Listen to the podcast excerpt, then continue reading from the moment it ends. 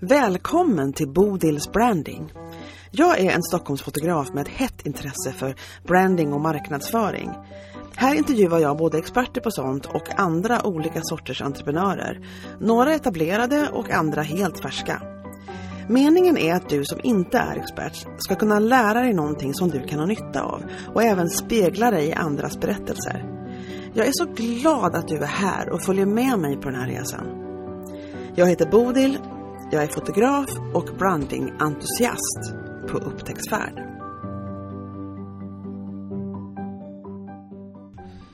Idag pratar jag med Jessica som driver företaget Yesbox. J-E-S-S Box. Inte som man trodde det skulle stavas. Eh, och hon är en grafisk formgivare. Hon har hållit på med det i många, många år men har hållit på med sitt företag i två och ett halvt år. Och, och det startade hon mest för att hon ville ha mera makt över sin egen tid det var liksom dags för henne att starta eget. Och hon ville också utveckla en egen produkt och det har hon gjort nu och den berättar hon om i det här samtalet. Vi pratar även om färgpsykologi, vi pratar om det här med balans. Är balans ett fult ord? Eller ska man försöka sträva efter det? Och hur definieras det egentligen? Eh, vi pratar om eh, när hon startade, sina framtidsdrömmar, vad hon tycker om det här med hur man ska bygga upp eller starta sitt företag och vilken ordning man faktiskt kan ta det. Lite annorlunda än man tänker vanligtvis.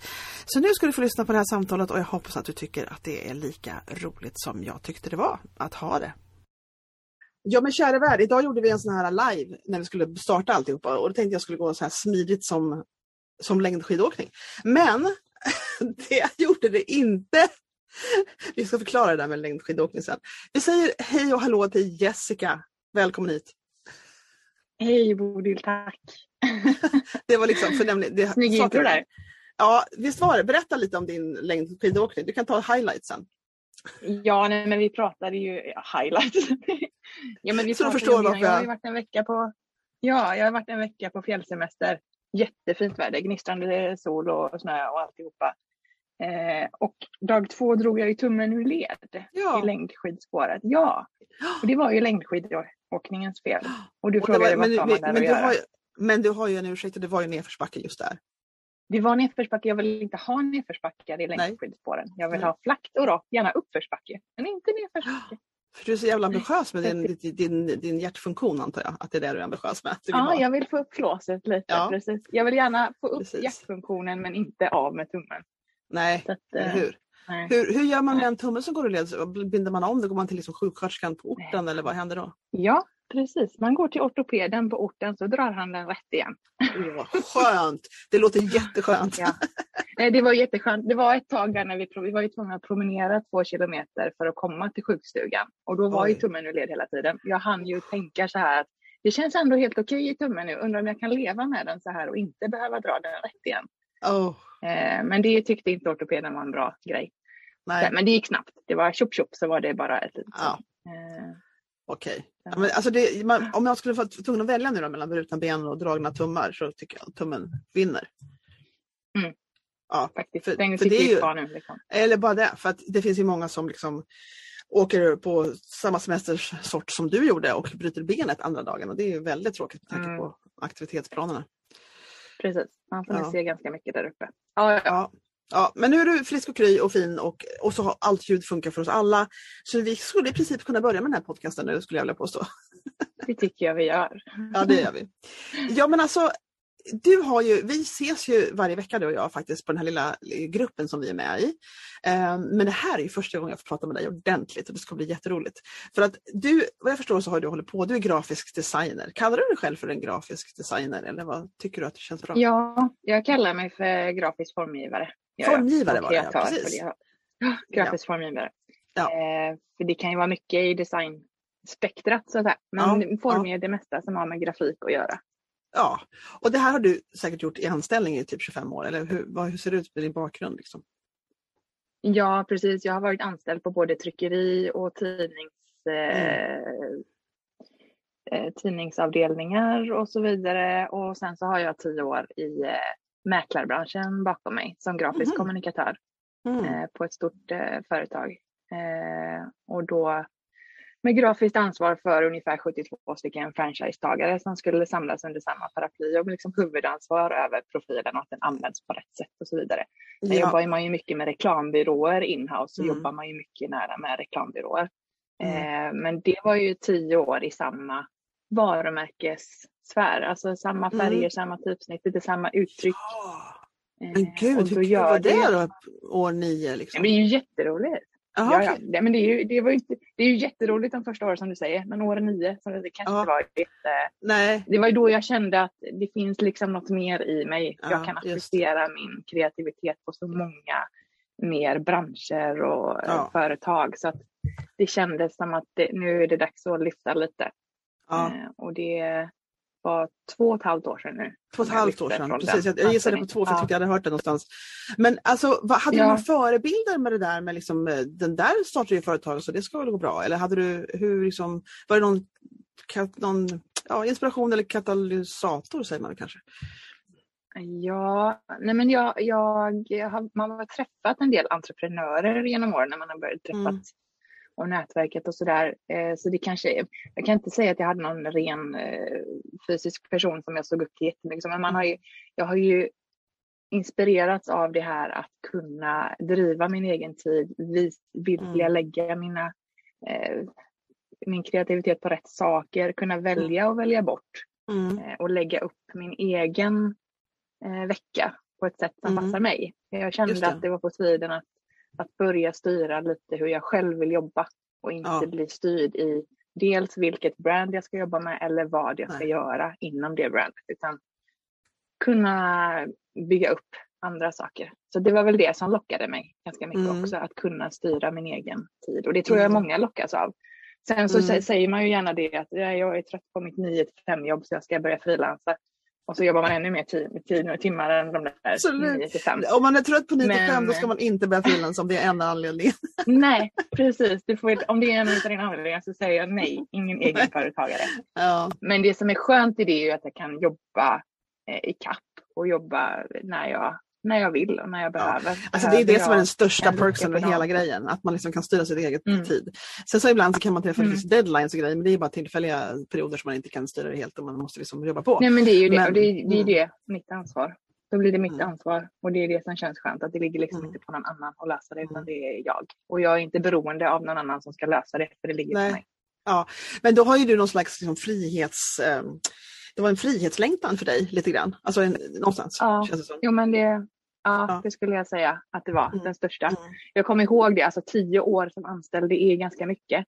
Eh, mm. Så det är, ett, det är inte ett lätt beslut att gå ifrån en trygg lön, trygg alltså anställning, mm. kollegor som man känner till, en verksamhet som man känner till. Allting går liksom på eh, rutin. Mm. Eh, och det var väl lite det också, att man ville gå ut från rutinen, men det var ju inget lätt. När jag väl hade tagit beslutet och gått in till min chef och sagt att nej, du vet du vad, jag behöver jag behöver nå en annan nivå i min egen mm. utveckling och jag behöver gå vidare för att liksom fylla, min, fylla min potential så mycket mm. som möjligt. Eh, jag har nog aldrig varit så lätt som jag var efter det mötet. Liksom. De dagarna sen var, jag flög fram. Ja. Jag visste att eh, nu, nu är det liksom nytt. Sen så kom ju dagen när, när min anställning verkligen var slut. Det är två månaders uppsägningstid och dagen när man liksom verkligen skulle gå därifrån. Då var, kom ja. ju den här mag, känslan. Ja. Att, visst, jag hade en bra magkänsla, men jag hade också, oh shit, det knöts åt lite. Att nu ja. ska jag faktiskt leverera också på det jag vill göra. Ja, jag just. måste ju faktiskt få mat på bordet och mina barn, ska liksom, allting ska lösa sig. Ja. Eh, och det har det oh gjort. Men alltså det, jag, oh jag minns att jag såg, it's all coming back to me now. Jag, jag kommer ihåg liksom när, jag, när jag kom fram till att jag skulle kliva av, för jag var ju lärare i 13 år. Och sen så överlappade jag fotograf och lärare för jag höll på liksom och, och gick ner i deltid. Och gick ner i tre år höll jag på att gå deltid. Och ganska lite, jag, jag tog bara en dag ledigt. Liksom. Jag smög den riktiga innebörden av att smyga igång ett företag, det gjorde jag. Eh, så att jag liksom började så. Eh, och sen så när jag hade hållit på då, de här tre åren med det, så kände jag att nu blir det fel, för det är, väldigt mycket, det är mycket jobb som lärare, jag jobbar 80 procent fortfarande. Och sen blev det mer och mer jobb som fotograf. Och då kände jag att det här kommer att, jag måste gå ner mer i tid, för det här blir för mycket. Eh, och då bad jag om att få gå ner mer i tid och de sa att jag inte fick det. Liksom, i princip. Så jag var liksom lite tvungen att ta ett beslut. Då. Antingen så fortsätter jag så här och då visste jag att det var en begränsning på hur jag kunde utveckla mig. Liksom. Eh, och, och, hur mycket jobb jag kunde ta på mig och allt det där. Det, kändes som att det var liksom ohållbart på något vis. Så jag var tvungen, tvungen att ta steget just då. Jag hade kanske gjort det ändå tror jag senare, men liksom det blev så. Och då vet jag att jag eh, också kände den där, eller då var det tre månaders uppsägningstid så det var tid efter det också. Men jag vet att jag kände den här eh, euforin eller man var taggad, man var liksom exalterad och tyckte det skulle bli spännande och roligt liksom. Att bara vara fotograf. Och sen så, så att jag berätt, och så berättade jag för några personer att det här skulle hända. Och då vet jag att jag satt med min, eh, mina kusiner, då, någon som fyllde år, vi hade bjudit dem på brunch och så säger han som har varit som en naprapat och drivit eget ganska länge, eh, ännu längre nu, men då var det ju länge. Och han sa liksom det att, gör det inte. det var liksom, no! Och, och, det är en sak om det kommer ifrån de som liksom är anställda och som känner att, att tryggheten är viktigare. Och, och, man har ju olika värderingar på vad man tycker är viktigt i livet. Liksom. Men han som hade drivit eget i flera år säger, gör det inte! och då sa han just det där som du berättade om. Du måste få ihop pengar varje månad. Du måste betala hyran. Du måste, liksom, du måste få in pengarna. Och, och han sa att det är väldigt stressande. Och jag vet inte, han kanske hade kris just då. Det har man ju ibland som, i livet i allmänhet och som företagare. Men det var väl kanske fel vecka jag frågade honom. Jag berättade det för honom kanske. jag vet inte. Ja, men det, och, ja, och det kan jag förstå. Jag har en tvärtom historia där. För en av mina största, när jag gick ut på LinkedIn och hade till och med, jag hade lagt så mycket tid på en sån här introfilm. Jag vill ändå att det ska mm. visas att jag ger mig in i en egenföretagarroll där jag frilansar som grafisk formgivare. Det ska synas att jag liksom kan. Så vet jag, jag hade lagt hur mycket tid som helst på en kort, kort film på 30 sekunder eller någonting mm. kring att nu släpper jag taget, nu öppnar jag eget, eh, Yesbox och alltihopa. Eh, och så fick jag en kommentar från en gemensam eh, kontakt eh, som önskade lycka till och han sa jag har varit entreprenör i typ tio år, det är det bästa jag har gjort. Mm. Eh, och sen kontaktade han mig eh, några månader senare och gav mig mitt första stora uppdrag också. Ja, eh, och, och, och, han har liksom varit med på resan nu vid sidan om i olika sammanhang. Mm. Så att han var en stöttning på det hållet. Att, också en investmentkille som investerar och bygger bolag hela tiden. Och han bara, mm. entreprenörskapet är det bästa som finns. Det är ditt bästa beslut du har tagit. Så jag fick väldigt, väldigt stöd så. Ja, vad roligt. Jätteskönt att höra. Mm. Jag, jag måste säga jag inser också att det inte är det för alla. Utan det är lite, man är liksom lite vajrad på ett speciellt sätt för att liksom klara av, det låter som att vi är jätteduktiga på allt, det är vi verkligen inte, men, men det här klara av, att klara av um, o, kanske ovissheten ibland, att det inte är liksom 25 varje månad tickar det in liksom pengar. Det finns en stress i det och, och, och man liksom måste vara på, jag upplever det som att man måste liksom vara på, man kan inte släppa liksom farten. Alltså, man kan ta mm. breaks självklart, som du gjorde nu när du bröt tummen. Men, kan liksom, men man kan liksom ta breaks och man måste väl göra det i princip. Det beror på hur mycket man behöver det. Men att man, ehm, det är ju intensivt liksom. Eller tycker jo, men jag, jag, jag, nej, men jag gillar det här att jag kan dra ner på tempot. Som anställd kan jag inte välja att dra ner på tempot. Eh, då Nej, är det är liksom valet som är grejen. Då tar du liksom, då tar du liksom en veckas eller två eller sommarledighet och så är du ledig. Sen ja. när du är tillbaka så ska du köra fullt alltså Jag har varit uppe i, i det tempot som vi jobbade på där var jättehögt. Så att högt tempo har jag liksom jobbat med i tio års tid. Mm. Mm. Men det här att det jag gillar är att jag kan dra ner på tempot. Absolut, jag har varit en vecka i fjällen med familj och vänner. Men jag kan fortfarande öppna datorn och göra några grejer kvällstid. Mm någon timme eller svara på några mejl eller bygga mm. i ett projekt som jag kreativt har deadline på veckan efter. Mm, Men jag kan aktivt välja att dra ner tempot. Och det upplever jag aldrig att jag kunde som anställd för då är det liksom så här, du ska vara här 8 till 5 mm. eh, och då är det fullt ös. Mm, eh, och du kan inte riktigt bestämma det på samma sätt. Inte, där, inte, där, inte på de sammanhangen jag har varit i alla fall. För du ska ju leverera på dina uppdrag. Det är vanligt. Eh, så det, mm. det, tycker jag är väldigt skönt att du kan dra ner på tempot och säga idag, denna veckan orkar jag bara jobba halvdagar. Jag är ledsen. Mm. Sen måste jag ägna mig åt inspiration eller fånga upp saker som jag har tappat längs med vägen som jag har tänkt göra länge. Och du, mm. det kan du ju liksom bara göra när du har eget ansvar själv i ett företag och, och frilansa på det här sättet. Om du inte är i en väldigt kreativ miljö eller en kreativ organisation tänker jag också. Mm. Eh, det är väl väldigt olika. Det finns jätteduktiga företag som är väldigt duktiga på team och, och hur man bygger upp varandra istället ja. för att pusha varandra mycket. Men push och prestige har aldrig riktigt varit min, eh, min arena. Sådär. Jag, jag trivs inte på den arenan. Utan det ska byggas av glädje och inspiration och kreativitet någonstans. Och den mm. kommer inte bara för att du, eh, klockan blir åtta på morgonen. Nej, utan den löper hela tiden. Nej men det är sant, du har rätt i det där att man, att man kan dra ner på tid. Det här, är, det här tror jag är någonting som inte alla är bra på Jessica. Du kanske är väldigt bra på det. Men en del är inte Nej. bra på det. Nej du är inte bra på det. Okej, du, du har en vision. Jag behöver hur... öva på det men det är därför ja, ja. det är så mycket i mitt huvud nu. För jag behöver verkligen öva på det. Jag pratar ja. jättemycket med olika coacher och sådär med det. Att, att ja. se över tiden. Ja, just det. krafterna. För jag någonstans släppte det där med liksom andras uppfattning om vad balans var. Eh, det var jag tvungen att släppa på för jag funkar inte som jag funkar som jag funkar. Jag var tvungen liksom att inventera och undersöka lite grann um, hur jag vad jag behövde som företagare. Alltså både schemamässigt, eh, det här med att ladda batterierna som man pratar om, liksom, hur gör jag det faktiskt? Liksom? Vad är det som liksom, tar bort min energi och vad ger mig energi? Och liksom respektera det man kommer fram till och inte tro att man måste vara som någon annan människa. Tycker att balans är bra. För det här är något som är lite, jag tycker är ett laddat ord, lite med att ha work-life balance och sådär. Eh, och alla, men, man, men, man måste, men man får man måste respektera det man kommer fram till. Om man, om man behöver sova åtta timmar och det bara är så, och man måste, alltså det finns grejer som gör att man mår bra. Och då måste man se till att man eh, dels kommer på vad de är och sen så respekterar att det är så, respekterar sig själv så pass mycket och sen försöka forma sitt liv och sitt arbete efter det. För jag har inga mm. problem liksom att jobba sent, att svara på sms sent. Jag har liksom inte det här klockan fem det slut, annars respekterar inte mina kunder mig. Det har jag ingen uppfattning om i mitt företag överhuvudtaget. Och, ja, du vet, har du kommit fram till någonting som du känner hur du vill, vill fungera som, som är optimalt för dig? Liksom? Som du kanske inte riktigt visste innan? Kanske. Nej, men jag är ju, och jag säger det alltid, jag är väldigt dålig på att reflektera själv över vad mm. som liksom får mig att må bra och vad som funkar. Men det jag har märkt är att som kreativ person så har du ju väldigt många bollar i huvudet och många bollar i luften. Det är många projekt som löper på och det är mycket du ska göra. Och det är ju inte ensam, man blir inte bara kreativ i yrken. Det kan vara vilket yrke som helst där du har många bollar i luften. Eh, men det som jag har märkt funkar för mig när det är mycket, det är att varje dag, jag gör varje dag en checklista, inte tidsbaserad eller någonting, men de här Nej. punkterna måste jag hinna med idag.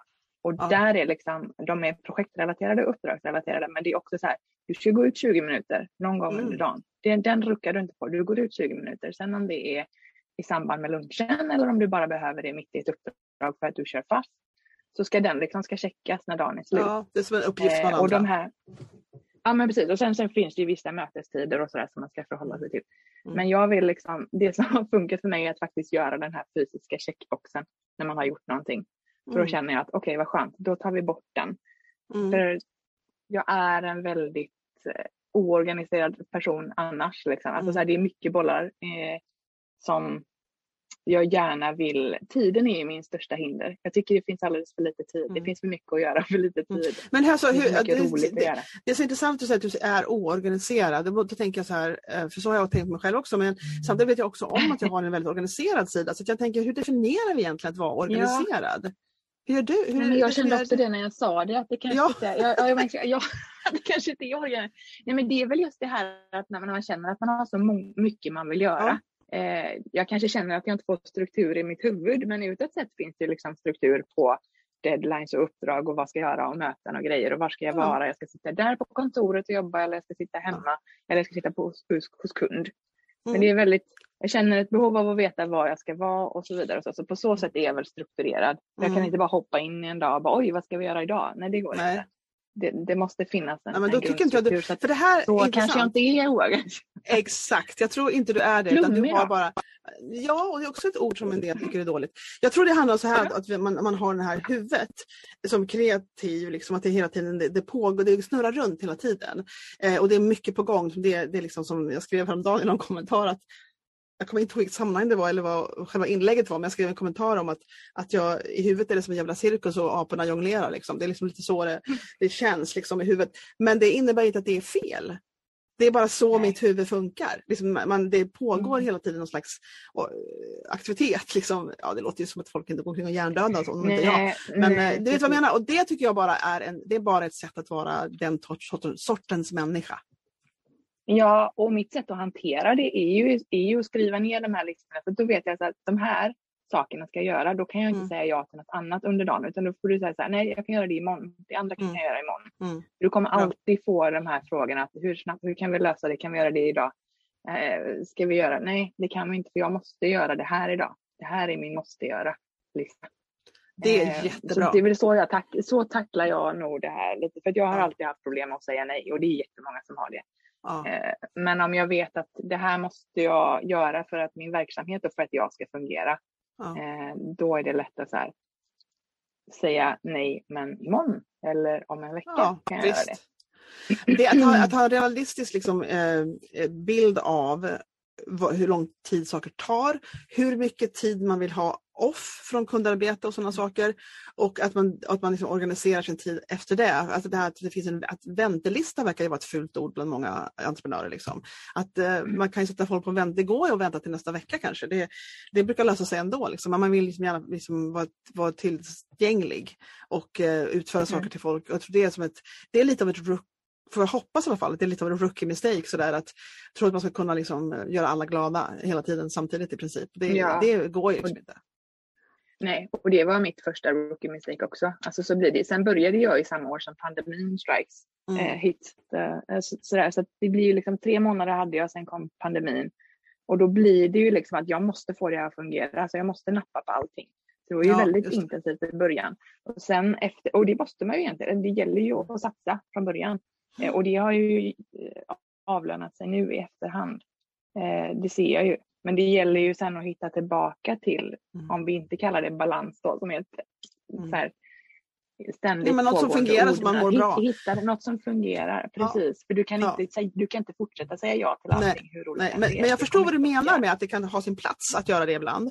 Eh, för att man kan, ja. man, och, så, och dessutom tar det lite tid innan man kommer fram till kanske vilka jobb man vill göra och vilka som inte var så kul. Alltså hur man, kommer, mm. man kan liksom ändra in, inriktning på hur man vill jobba med tiden också. Mm. Eh, och, sådär. Och, och så finns det perioder när liksom, plötsligt så har man liksom dipp, eh, kunddippar, alltså antal kunder, kanske för länge, inte bara en månad utan kanske tre och då måste man hitta på någonting och då tar man, alltså det, det finns ju för, säga, system för olika sorters perioder. Liksom. Och det är klart att man, man mm. och andra perioder när man vill bygga upp någonting och, och har nog med pengar så kanske man jobbar gratis för man tycker de verkar roliga och så har man lite mer till, som i mitt fall till portföljen, till galleriet och sådana saker. Det finns massa olika system att göra det här på beroende på omständigheterna. Helt klart. Helt klart. Men berätta, det, det som är roligt med dig då är ju liksom att du kunde ju åtminstone liksom grafiskt göra assnygga liksom marknadsföringsgrejer för dig själv. Liksom. Eller? Ja. Upplever ja, du det? Det kan men det var inte, jo, men det var inte, ja, jo, fast det var inte det som var mitt mål heller. Det var ju att bidra, sätta min kunskap till andra igen. Liksom. Mm. Så att jag mm. är tillbaka på det här med skomakarens barn som vi pratade om innan du sa att du hade visat min hemsida och grejer så här på liven. Mm. Men mm. Ju, man blir ju någonstans, ja, mitt uttryck är inte viktigt i det här. Jag ska ha en ganska cleant uttryck för att kunna skylta med det jag tar fram. Jag ska, jag ska visa ett ett spektra på det jag gör. Mm. Eh, så min, min ja, ja, det är väl lite så här, man sätter sig själv lite i andra där bak, sitt eget ja. Eh, varumärke. Men samtidigt så har jag ju lärt mig att det är mitt personliga varumärke eftersom att jag är ensam i min firma. Ja. Det är jag som jobbar i det här. Det är, jag som, det är jag som är ansiktet så jag har lagt mer, mer effort i att få fram vad jag gör, vad jag jobbar ja. med och vem jag är. Ja, bra. Eh, så det lägger jag mycket på. Sen har inte jag någon direkt branding själv. Jag har lite färger på Instagram och jag har ett uttryck på min hemsida. Det jobbar jag väldigt mycket med med kunder också. Det handlar om ditt uttryck. Mm. Eh, och du kan göra det med hjälp av färger och, och logotypen och grejer, men det handlar om helheten. Den röda tråden i allt. Det finns så många plattformar att synas på idag och du måste använda olika verktyg till olika plattformar. Mm. Eh, så det, det helheten i sig tycker jag jag har lyckats med i min egen branding så sett. Men jag, mm. jag, jag, skulle vilja säga, sitta och säga att jag har världens strategi själv i det. Men det har jag inte i mitt eget brand. Så. det är lättare att, att bygga Ja, det är lättare alltid att hantera liksom både allmänna idéer och liksom jobb med andra människors verksamheter än det är med sin ja. egen. Det tror jag många upplever faktiskt. Ja. Mm. Precis. Ha. Jo, nej men så att, absolut. Eh, min, min grafiska ådra och den biten underlättar ju för mig för att jag kan ju bygga mitt eget brand utan att det kostar mer än tid. Mm. Andra mm. som jobbar med det, mina kunder, behöver ju investera även mm. eh, pengar i det såklart mm. för att de behöver mm. hjälp med sånt de inte kan hantera. Men så är det ju med alla tjänster som man själv inte behärskar. Mm, du får köpa klar. in den tjänsten. Så är det faktiskt. Jag, jag, det här är någonting som jag tänker på mycket med, med liksom, eh, vilka, vad är drömkunden och vad är idealkunden och vad, hur tänker de och sådana saker. Vilket också är någonting som måste utvecklas tror jag med tiden. Men jag satt och hade morgonkaffe med, med eh, ja, jag heter Lova KBT på, på Instagram och på LinkedIn till Charlotta egentligen. Hon bor här nära mig. Och då pratade vi om varför hon, är, hon startade som att hon var kund till mig nämligen.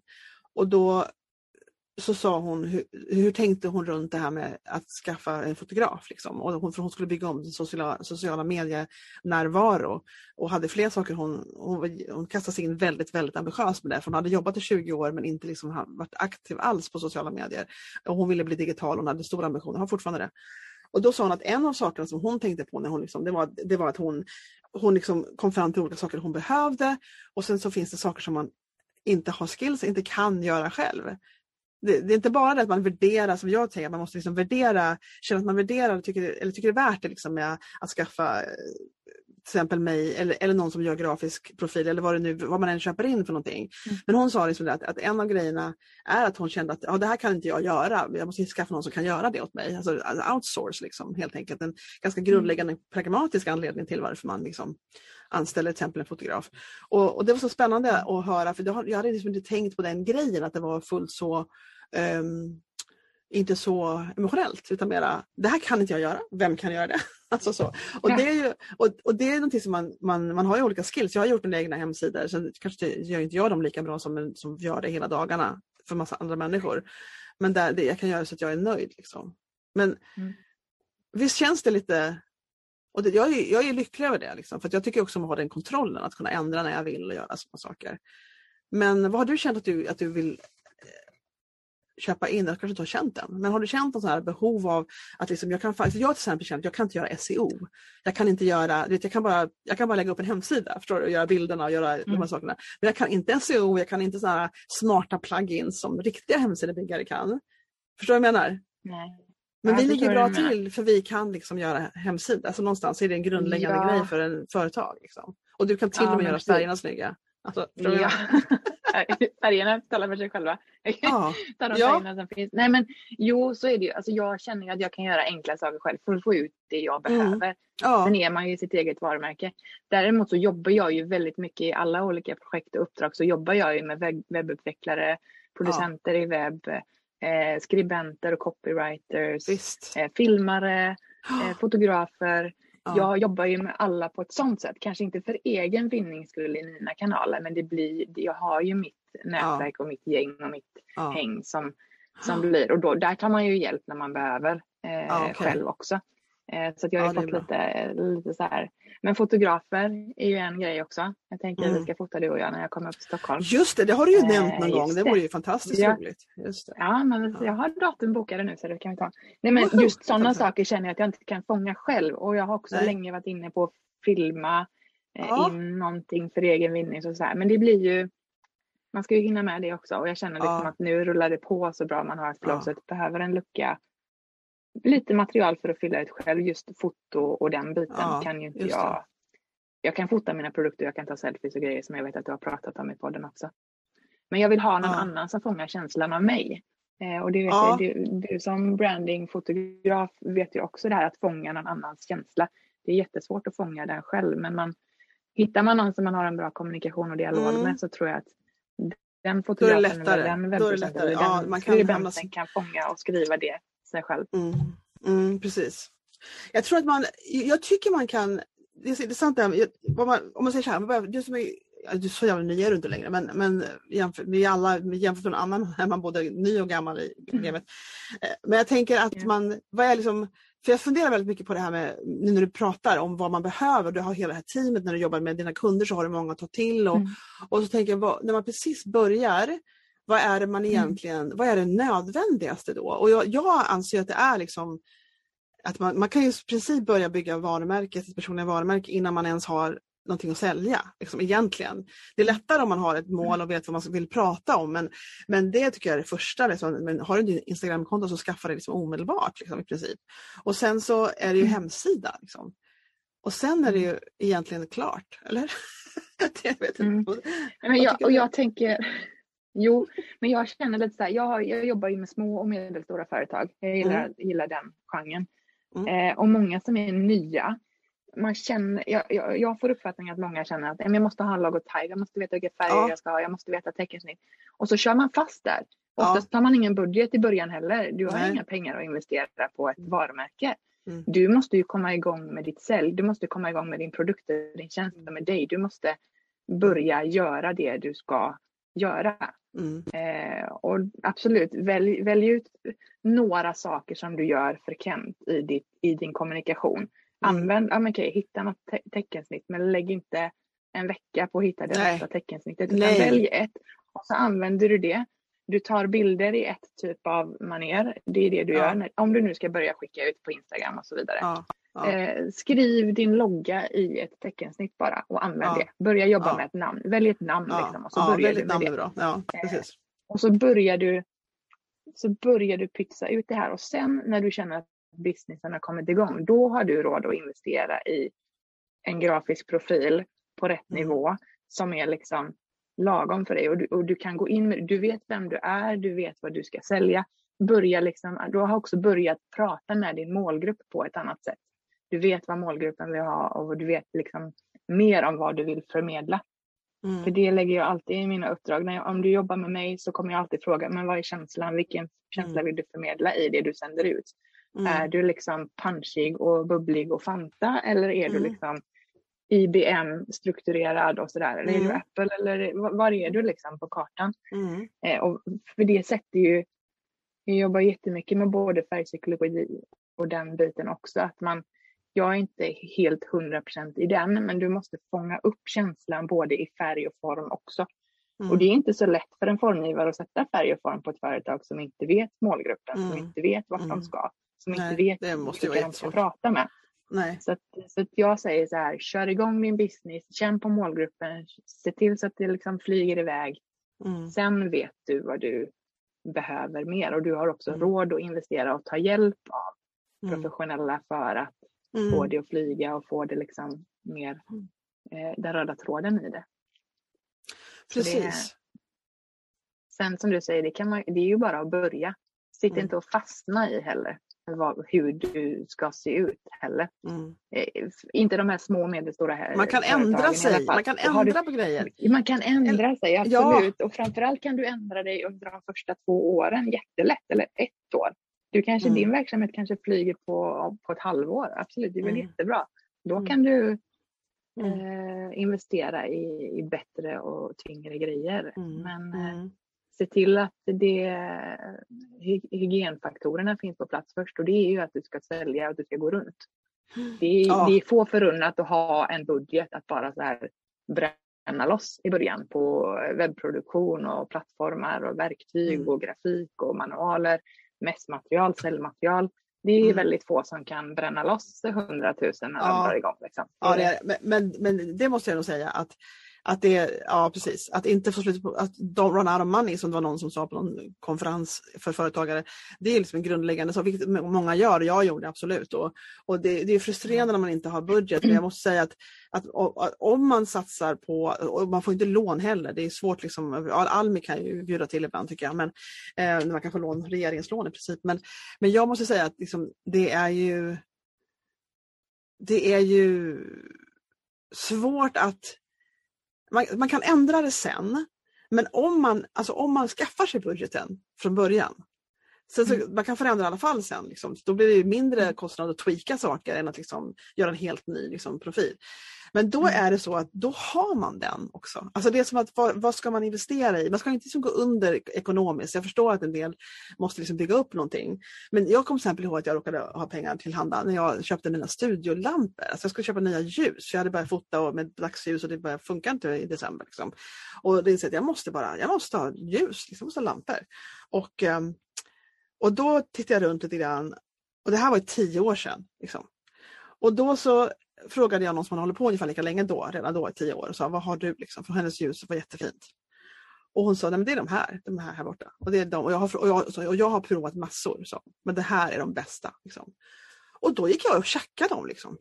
och, det, och det är inte alltid man, jag säger inte att det här, för ibland står man verkligen ha inga pengar och då får man göra så gott man kan. Men jag fick tillgång till pengar på något vis och det här var tio år sedan och kostade mig 45 000 liksom, att köpa de här lamporna. Och de har jag fortfarande. Jag har bytt småglödlampor, bytt en ring. Det har varit så otrolig kvalitet på dem. Liksom. Eh, mm. Och jag har dem fortfarande. Jag kommer nog aldrig köpa nya lampor. Mm. Utan de här har jag. Liksom. Och de är otroliga. Och, och det där jag tänker att då, Ja, det var en jättebra investering för mig. Och, och då tänker jag på hur man tänker mm. investeringar. Mm. För det här är ju livet också när man ska gå och shoppa en soffa eller vad man nu ska lägga pengar på. Så är det det här, man lägger pengar på det man tycker, mm. där, man, där man har ett intresse, ett, man tycker det, det är värt pengarna. Liksom. Och då tror jag ibland man kan lura sig mm. på. För, att, för exempel, jag har ju haft mycket privatkunder genom åren för jag har fotat familjer och bebisar och sådana saker. Och då säger jag till dem ibland, jag har varit på mässor, haft mässor, eller varit, vad säger man, monter i mässor, underbara barn och andra saker. Och då säger de, vad kostar det här kalaset liksom, för att se mina porträtt på väggarna tycker att det här är säkert mycket pengar.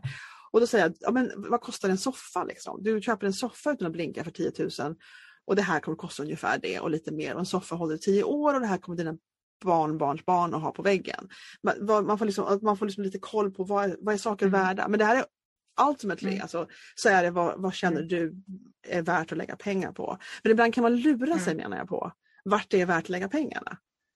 Mm. För man går ja, efter andra skalor.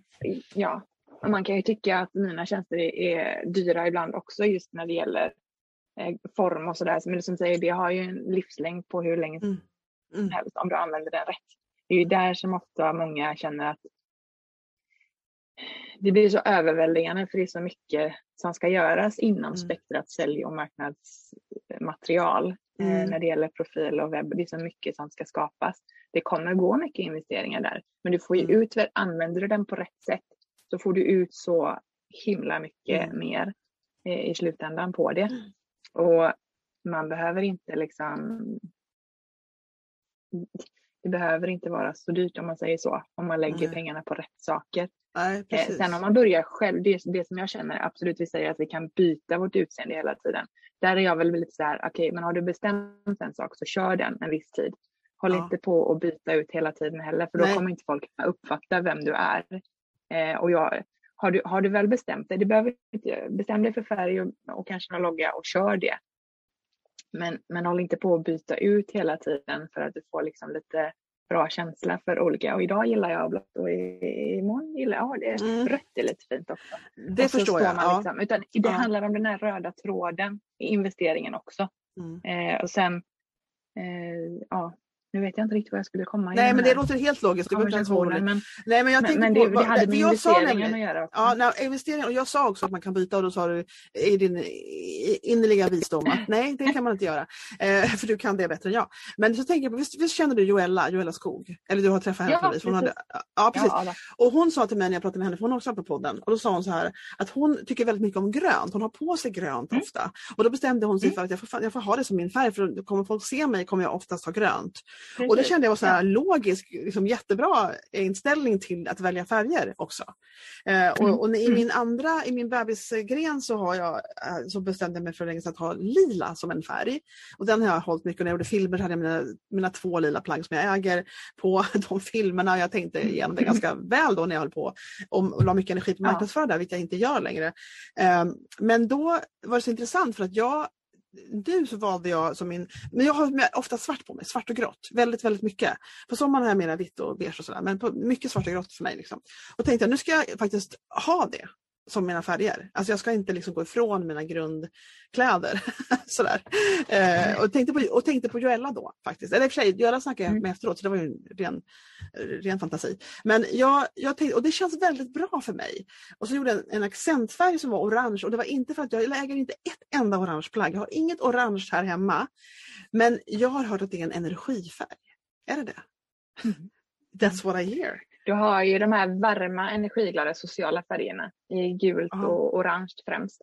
Ja. Eh, så där får du in hela det här sociala kreativa utspelet. Ja. Både i, i den gula varma glada färgen. Ja. Eh, så här, du förknippar ju alltid eh, gult med värme och sol mm. och hela det så Och jag har inte valt gult och jag i princip. Men liksom, det, det, blir gult ibland på nätet för att det blir andra, det blir andra färgskalor. Så mitt orangea blir lite gulaktigt ja. har jag märkt. Ja. Men det är inget fel ja. med det. Men det... Nej, men, nej men det är så roligt för man, man, och det vet ju bara du egentligen när du gör ditt varumärke och du bygger dina färger varför du har valt dem. Mm. Och då betyder de någonting för dig. Mm. Sen ligger vikten i hur du använder dem. Eh, mm. Hur ofta använder dem? Hur, hur mm. formar du liksom resten? För det är det som skapar helheten, det är det som skapar det visuella uttrycket. Mm. Inte mm. vilken färg du har utan hur du använder den. Just eh, sen gillar jag att lägga en historia i varför man har en viss färg. Är du ett mm. företag som ska stå för kraft och styrka och power, men då ska mm. du ha liksom de här röda kraftfulla tonerna i det orange, alltså hela den här då bygger du upp en story in-house som egentligen mm. bara företaget själv vet vad det står för. Men du mm. har en historia att berätta kring ditt brand mm. på ett annat sätt. Mm. Så att vilken färg det är spelar mindre roll. Hur du använder den och hur den tar för sig är, är mer primärt tycker jag. Mm. Men visst finns det ändå, det vet ju du om, det finns ju ändå färgpsykologi liksom. Att man, ja. att man får en, en, känsla. För det tror jag man mitt, eh, min eh, forskningsfråga är, eller mitt forsknings, min teori är ja på det här. Men är det så att man kan mm. ha färger och bara känna saker utan att man vet vad de står för rent? Ja, eh, som de brukar gud, säga. Ja. Mm, precis. Ja, det finns en superinredare, jobbar ju oftast med så här, inredningsarkitekter och inredare jobbar ju väldigt mycket. Det finns en tjej som ja. heter Sara Garanti som är ja. asduktig på färgpsykologi. Henne lär jag mig jättemycket av. Ja. Eh, och applicera mycket just i, i färgpsykologi, skapandet grafiskt också. För att jag gillar ja. att ha med någonting som, att, som företaget faktiskt står för. Det finns jättemycket att lära sig där och jag, ja. jag får söka varje gång för att det finns hur mycket som helst. Och när du mm. tänker så här att ögat, alltså våra sinnesintryck, 80 procent av våra sinnesintryck kommer från ögat. Mm. Eh, vi har liksom 130 miljoner sinnesceller i ögat som eh, uppfattar jättemycket. Det, det är en jättemöjlighet att påverka en annan, en annan människa med mm. ett visuellt uttryck. Mm. Alltså du har hur mycket potentiell, potential ska jag säga, som helst att påverka en annan människa genom hur du uttrycker dig visuellt. Mm. Mm. Och i kombo då med vem du är och vad du säljer och hur du är som människa. Får du det att bara Alltså, mm. Det blir ju smashing om du får de här att koppla ihop. Dels hur du ser ut, hur du är och vad du säljer. Då är du liksom mm. hemma. Då är det ingen som kan missuppfatta vem du är på marknaden. Nej men precis. precis. Och där är det ju väldigt viktigt att man, att man också, jag förstår att man kan använda liksom genvägar då genom att man, att man eh, förstår det här med färgpsykologi men att man kan i princip inte frångå det man är så mycket. Alltså där man står för värderingar. Och, nu, nu pratar jag småföretag för det finns ju väldigt stora företag som är liksom, tusentals människor och där, måste, där liksom företaget är en person i, i sig själv om man säger då med, med profil och sådana mm. grejer. Och där blir det inte på samma sätt. För det, man kan inte vara som alla människor som jobbar där. Liksom, utan det, då måste liksom, mm. företaget bli en entity liksom, av sig själv. Eh, beroende på hur man gör. Och det, och det är också det... väldigt spännande.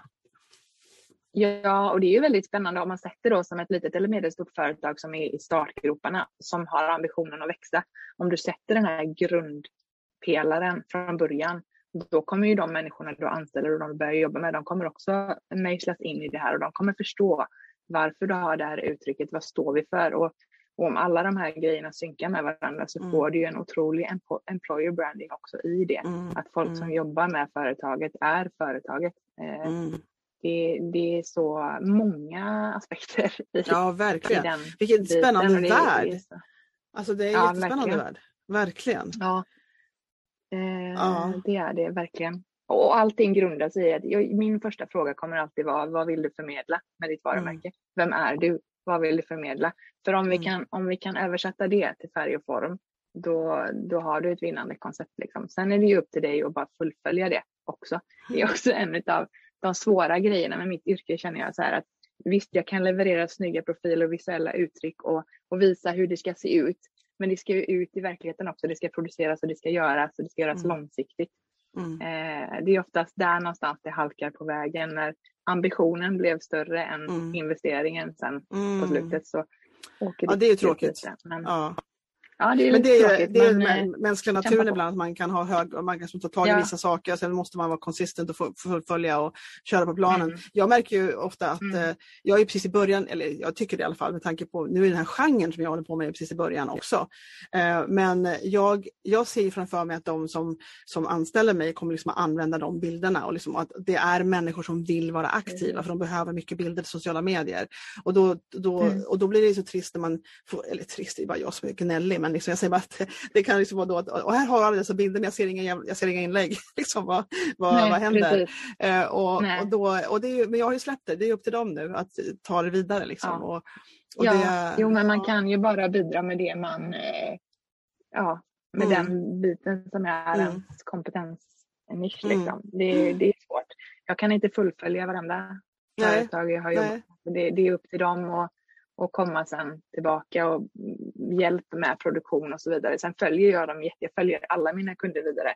Och då Mm. blir man ju som du, man sitter där och bara nej, nej, nej, nej, vad händer nu? Den skulle Ja. inte, nej den plattan skulle inte vara där och den skulle inte ha den ja, färgen ifrån. Ja, Den har jag inte. har berätta, berätta vad du har för sådana pet, vet, du Ah. vad, vet, du vad, vet du vad pet peeve är för någonting?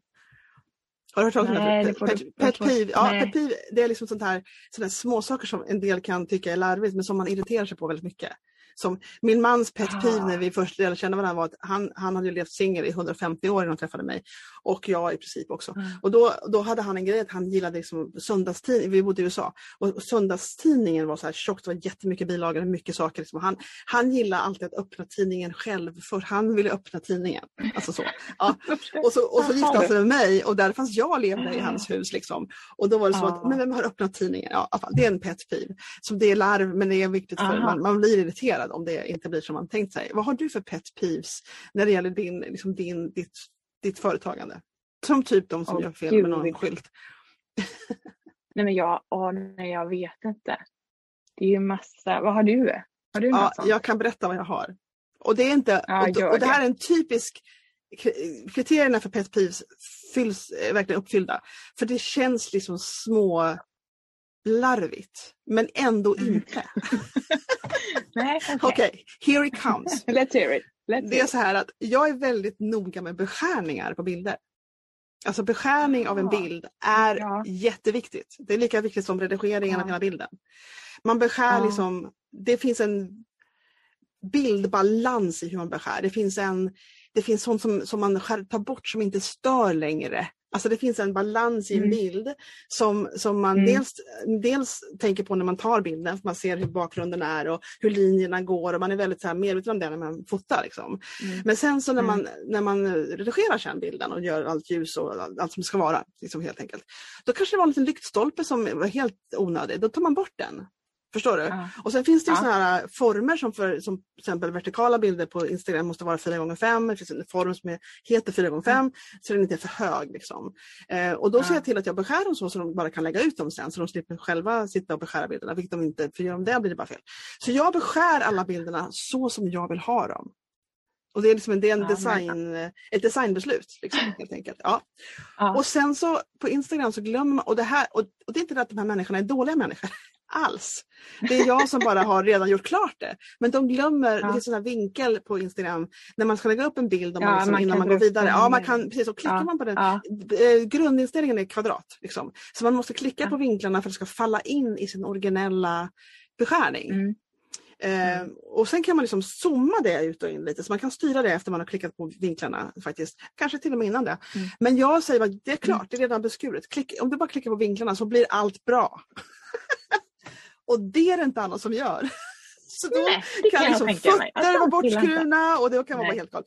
Och då Ja. tänker jag, hur ska jag förmedla detta utan att de känner att jag dömer dem som människor? Liksom. Ja. Så jag vet inte, jag har fortfarande inte bemästrat det. Jag säger till i alla fall och säger, nu har Nej jag men, den, och, eh, nej men den, ja, ja, ja. Ja, den känner jag igen mig jätteväl i också just när man Mm. för ibland gör man ju grafiska mallar just för inlägg på sociala medier och så säger den här Mm. plattan ska alltid ligga här och den ska alltid ha de här tre färgerna kan du välja på men flytta inte plattan.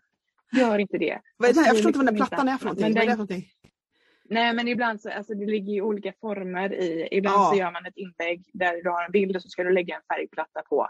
Eh, eller en ruta eller någonting Ja, som ligger okej, alltid okej. i specifikt liksom. Ja. Eh, den kan ju flyttas på. Men jag har ju ett litet sånt här, jag, jag måste ju aligna alltihopa. Jag, jag Ja. blir ju knäpp när jag ser foldrar och material där saker liksom ligger i, inte i liksom alignment med varandra. Jag, Och då menar du yttre, yttre kanterna? Ja men antingen och, yttre, precis. Det finns liksom ingen kant. Det finns, nej. om du har ett vanligt fyrkantigt papper så har du ju marginaler liksom upp Ja. och ner till höger och vänster. Ja. Och ibland så kan texten vara jättelångt ut till vänster och sen så är den Ja. andra inte Ja. alls liksom. På pappret. Nej, det ja. är väl en sån liten eh, mm. funktionsskada man har i sin yrkesroll. Och det ser inte de. Får... Det kan du fatta det? Att de ser Nej, inte jag vet. Och jag kan inte förstå hur man inte kan se det. Ja, I know. och det här är ett pet ah, Ja, men det, vet du vad? Det var klassiskt sant. Alltså egentligen tycker jag att söndagstidningsexemplet är mer av en pet peeve, för det är som att det spelar för ja. faktiskt ingen roll. Men vi har ju våra Nej, yrkesskills liksom, som är någonting som har att göra med ja. vad, vi, vad vi har för, hur vi ser saker. Och i och med att vi ser saker ja, på det precis. sättet så kan vi utföra våra jobb. Alltså det, det är någon slags ja. skillset som vi har. Um, och, då, och, och då och, men då blir det liksom det att man måste också hantera människor vänligt och sådär. Så att, så att jag, ehm, jag vet att jag um, ska, så jag funderar på att skriva ihop någonting, göra lite manual till mina kunder och säga ja.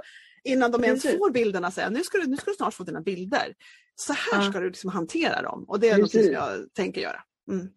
Skicka med en liten lathund där, precis mm. exakt hur man gör. Mm. Ja men så blir det, mm. det blir ju ungefär som de här grafiska profilerna och manualerna som jag skickar med i mina uppdrag. Det är ju ett försök till att okej, okay, om ni gör så här så kan det inte gå fel. Men sen så är ju en grafisk manual, ett visuellt uttryck, det är också ett levande ett levande ja. verktyg. Det måste få leva. Det kommer nya plattformar, det kommer nya mm. sätt att, att, arbeta på. Så det är, inte, det är inte ett statiskt dokument som du får heller, utan det ska kunna växa och utvecklas och mm. appliceras mm. på olika sätt. Mm, precis. Men jag tror man måste, man, man har, jag, jag, jag minns fortfarande, jag tror jag berättade förut för någon på något avsnitt, att det var en, en öppningsscen i en serie jag tittade på som heter Covenheten nu och det var något här advokatställe och sen så zoomade de runt lite på lokalerna och sen så var det en soffa som stod i en liten alkov. Eh, det var inget som hände vid den soffan, det bara var en soffa som stod där men den stod inte centrerad. Den var i en uppenbar alkov med kanske det, typ 30-50 cm varsida men, men den står inte i mitten och jag tänkte och jag blev sådär fixerad och tänkte, vänta nu, är det någon hidden message, liksom, att det här soffan inte står i mitten? För det kan ju inte vara så att scenografen har ställt soffan fel. Nu är det ju uppenbart Nej, inte centrerat. Och då, och, då, och då blev jag så här, men nu, jag, det tog väldigt mycket energi i hjärnan det här för mig. Eh, jag tänkte ja. att det här är inte möjligt, det här sådana misstag kan inte, men det händer ju misstag i filmer, det gör ju det. Men jag, jag skrev ju mm. runt till, jag la ut på Facebook på den tiden när jag var mer aktiv där och sa, alltså allvarligt talat, är det någon mer som ser det här? Jag tog en bild. Och, och vad tycker ni om det här? Liksom? Och då var det ju bara mina fotografvänner som sa det här är ju vad är det frågan om? Det, det, står ju inte rätt. Inte rätt. så det betyder man har ju olika ögon liksom, på vad som ja. känns rätt och fel. ja, så kan det vara. Men hörru du, att, eh, jag tänkte fråga också om, om lite framtidsvisioner, för det tycker jag är roligt att höra vad folk berättar. En del ja. Eh, berättar motvilligt, men jag vill jättegärna höra vad du har för framtidsvisioner. Nej, eller mål eller drömmar, har... våta drömmar liksom. Den där. Mm. Mm. Ja, herregud. Jag, har, jag, jag bor ju i Kungsbacka och jobbar i Kungsbacka. Eh, och en vision och ett mål som jag har haft tidigare som jag vet jag pratat mycket om med mina coacher eller så också, det är ju att jag vill ha ett creative space med andra personer, mm. något kontor eller något sånt där space. Det skulle jag vilja älska att ha och driva. Så det är liksom ett långsiktigt mål. Eh, sen har jag ju nu precis i veckan bara startat det här, ett mål som jag själv har haft länge, att eh, lansera en egen produkt som jag har gjort. Nu har jag jobbat i två, två och ett halvt år med eh, kunder och andra företag och liksom boostat deras brand och skapat mm. nya brand och liksom mm. gett dem en energikick på, på vägen. Jag märker att många kunder får det. Sätter jag mm. liksom en form och en profil till dem så får de så jävla mycket energi.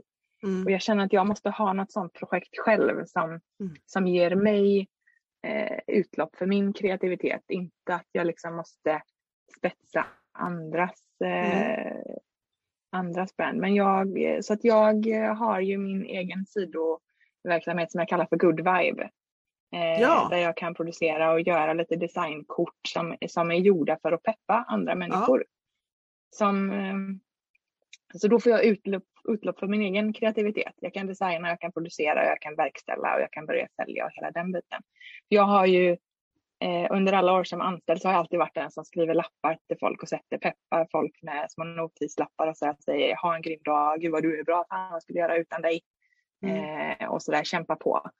Så det, det, är också ett sånt mål som jag vill ska växa, det här att göra egna produkter, kunna känna på min egen kreativitet, skapa jag har skapat sedan jag var liten liksom, grejer mm. och, och så. Mm. Så att jag känner att nu är det verkligen när man är vuxen och driver eget så finns det verkligen möjlighet att sätta liksom sätta skrida till verket i att verkligen göra de grejerna också. Så Mm. jag skulle vilja produktutveckla mer. Jag har mycket tankar på brädspel och sällskapsspel och mera designade kort och lite sånt där. Mm. Att kombinera det lite Mm. sådär. Så att ja, det, det är mina mål, lite så här, mer kreativitet i form av att träffa andra och nya nätverk och Mm. sådär. Och investera mycket i inspiration för mig själv. För vi syns ju varje vecka, som du Ja. sa innan, i, i ett nätverk och, och coaching liksom, sessioner. Jag gillar det och jag gillar Mm. att få utlopp i det. Så att jag vill göra Mm. mer av det för att växa Mm. själv känner jag. Mm. Mm. Eh, Kul! så det är liksom- Bra! Mm. Jag tror det är viktigt att, känna att man har någonting som man... Det som slår mig ibland, det är att en del berättar om drömmar, även när jag bara stöter på folk i största allmänhet sådär, om, om, om, om, samtalar, så märker jag liksom att folk har drömmar om någonting som för dem känns som Mount Everest. Liksom. Och jag tänker, men det där är ju bara att sätta igång. det, är- så olika hur man har inställning. Och ibland tror jag man kan eh, eh, jag inbillar mig i alla fall, men det gör jag oftast med det jag uttalar mig om, eh, att liksom, jag tänker att man, att man kan ha en dröm som man liksom bygger upp så mycket och så ser man inte att tröskeln dit är så låg. Det, jag menar, det, Nej. det, det känns som Nej, man har men drömt om det precis. så länge så det är nästan, nästan ouppnåeligt. Den fungerar näst, som en dröm och liksom kanske, man kanske inte ens vågar manifestera den för att det skulle Ja, minska i, precis. i power.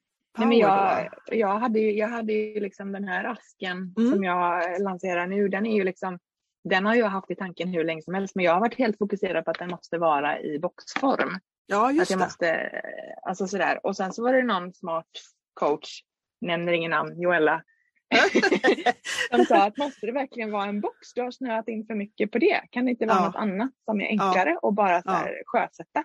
Jo, det är klart Ja. det kan. Ja. Och så liksom har det gått på fem, sex Ja. veckor bara. Ja. Eh, Men det är ju magin med att, att stöta och blöta saker med andra människor. Och så Ja, ja visst. också. Mm. Precis. Mm. Jätte, Jättebra. Så det vill jag göra mer av. Eh, stötta andra och låta andra stötta en. Mm. Inte tro att man måste lösa alla puckar själv. För du är inte Nej. absolut jag är egenföretagare men ensam är inte stark heller. Du behöver andra. Så jag gillar, håller- eh, jag gillar verkligen de här att man coachar varandra på ett sätt som inte är eh, ja, som inte kräver så mycket av en. Liksom. Nej, jag håller med. Jag, jag, jag känner till en på LinkedIn som vill starta ett kattcafé. Och det är hennes långa, många, långa dröm. Liksom. Jag, har, jag bor granne med ett kattcafé så jag ser den i praktiken varje dag men inte hennes. Eh, och då tänker jag så här, hur svårt kan det vara? Tänker jag. Ja, Ja, när en precis. dröm, tänker jag. När den Ja. du, men du kan ju också börja kolla på lokaler. Du kan ju också Liksom. bara göra, börja liksom på Ja. steg ett också. Och katter Nej, har vi överskott av vad jag förstår. Så det, alltså jag vet inte, det är någonting där som jag ser, och det här ser jag ibland att jag, och liksom det är som att folk, och jag hade det likadant. Jag tyckte tröskeln med att bli fotograf jag, från att vara lärare i 13 år kändes enorm. Eh, Men sen så bara insåg jag att det är bara att ta stegen. Liksom. Ja, nej, bara, jag vet det inte, det är svårt. bara att ta och göra, alltså, Ja. få ner det i steg och börja på steg Ja, ett. Och det kan vara att bara skicka in en ansökan någonstans eller gå och boka in sig Mm. på en visning. Ja. Och vilken verksamhet du ens vill liksom göra. Men börja någonstans. Börja någonstans. Det här med att skriva till handling, så länge bollen är, så länge man har någonting av bollen på sin planhalva så, så kan, man göra, kan man göra något. Liksom. Om, det ligger, man måste vänta på besked och vänta på andra människor, då, då är man ju maktlös. Liksom. Man kan ju tjata på dem. Ja. Men alltså, det finns ibland så kan man inte påverka grejer. Men det, så länge man kan påverka någonting överhuvudtaget så är det bara att Ja. säga, bara Och att skriva till handling. alternativ liksom? Jag hade Ja. jättetur när jag började frilansa också för det företaget jag jobbat på i tio år, jag fick konsulta för dem de tre första månaderna. Så att det Mm. var ju liksom halva min inkomst de tre första var ju baserad i mitt gamla jobb. Men Ja. jag kunde liksom börja och bygga upp en annan verksamhet och börja liksom nätverka och hela den också. Så att kolla på vad det finns för alternativ. Det finns alltid något alternativ Mm. att göra. Var ska man Och där börja? tänker liksom? jag Att, att man måste brainstorma ibland med andra människor och helst Mm. då inte liksom Mostra Gata som hatar företagare utan vi måste, måste träffa andra, Nej, andra precis. människor som är lite entreprenörer och så ska man säga nu, nu tar vi tar en Mm. kaffe här och så ska vi bara brainstorma Mm. idéer. Det här är vad jag vill Mm. åstadkomma, har vi några inputs liksom? För det tror jag kan vara verkligen powerful sådär ibland. Mm. Det Mm. tror jag med. Det finns Mm. jättemånga sådana coachinggrupper eller bara smågrupper som man kan gå med. Mm. Det finns jättemånga som går i de här drömmarna, frilansdrömmar. Leta upp Mm. en eh, coachgrupp då som du bara Ja, kan stöta och visst. blöta lite med. Det finns jättemånga sådana. Sök på frilans så har du liksom Googla på det liksom. Det tycker jag. Vårt sista hetat Eller heta tips jag har många. ja, jag Vi kanske tar en sån session på podden om dagen. Nu tar vi brainstorm. Det, det, det finns en sån podd, det här måste jag tipsa innan vi lägger ner nu för nu har vi hållit på länge. Uh, så finns det en, ja. en podcast som heter Oh my god, jag kommer inte på det nu bara för att jag kom på. Jag ska säga om den. Men det finns en man som heter Pat Flynn. Pat Flynn, uh, Smart Passive Income är hans stora podd som har liksom 750 avsnitt och sånt där. Uh, men han startar också mm. en podd tillsammans med en annan entreprenör och de två männen pratar tillsammans baserat på frågeställningar de får ifrån entreprenörer där de har svårigheter med saker. Och så sitter de två männen och liksom brainstormar. Så här kan man göra, så här kan man göra, så här ska man kunna lösa det där. Och hela podden i mm. två säsonger är bara det. De tar in riktiga frågor frågor ja. så sitter de och brainstormar. De är extremt kreativa. Ja. Och det är jätte, jättebra. Den ska jag länka i vårt samtal här nere. Så, ja, gör det. så kan folk ja. få kika på den. Mm. Men, men nu tänker jag att vi ska gå vidare med livet och jag och, och jag är jätteglad att du ville vara med idag. Nej, men jag är jätteglad att du fick med mig och att du frågade. Ja. Herregud, kul! Så kul! Ja, det var jätteroligt. Och, och, nu, och nu känner jag också att vi har gjort en jättestor nytta, eller vi, jag har mest lyssnat, men att du har gjort så bra, alltså du har ju berättat jättemycket om, om det som du är så bra på. Och det tror jag många kan ha nytta av, det här med färg och, och liksom, ja, med sitt brand och sådana saker. Så det var verkligen jätteroligt att höra, för jag visste bara 25 procent. Jag kommer inte ihåg vad jag har sagt. Jag kommer aldrig ihåg vad jag säger. Ibland lyssnar, jag borde jag lyssna lite oftare. Men eh, någon, någon, kan säkert ha någon nytta av någonting i den här podcasten. Ja, och jag, övrigt får vi hoppas att de hade trevligt. Ja. Men du, ja. tack för idag. Så, så eh, tack. stänger vi av inspelningen och pratar om annat. Det gör vi. Hej. Hej. Hej då. Ja, det var samtalet med Jessica från Yesbox. Eh, och henne får du eh, kika på på hennes hemsida vad hon erbjuder. Det kommer jag att länka i texten som hör ihop med det här samtalet. Eh, nästa lördag är du varmt välkommen tillbaka till podden igen. Eller en torsdag om du tycker en torsdag är bättre så det är okej också.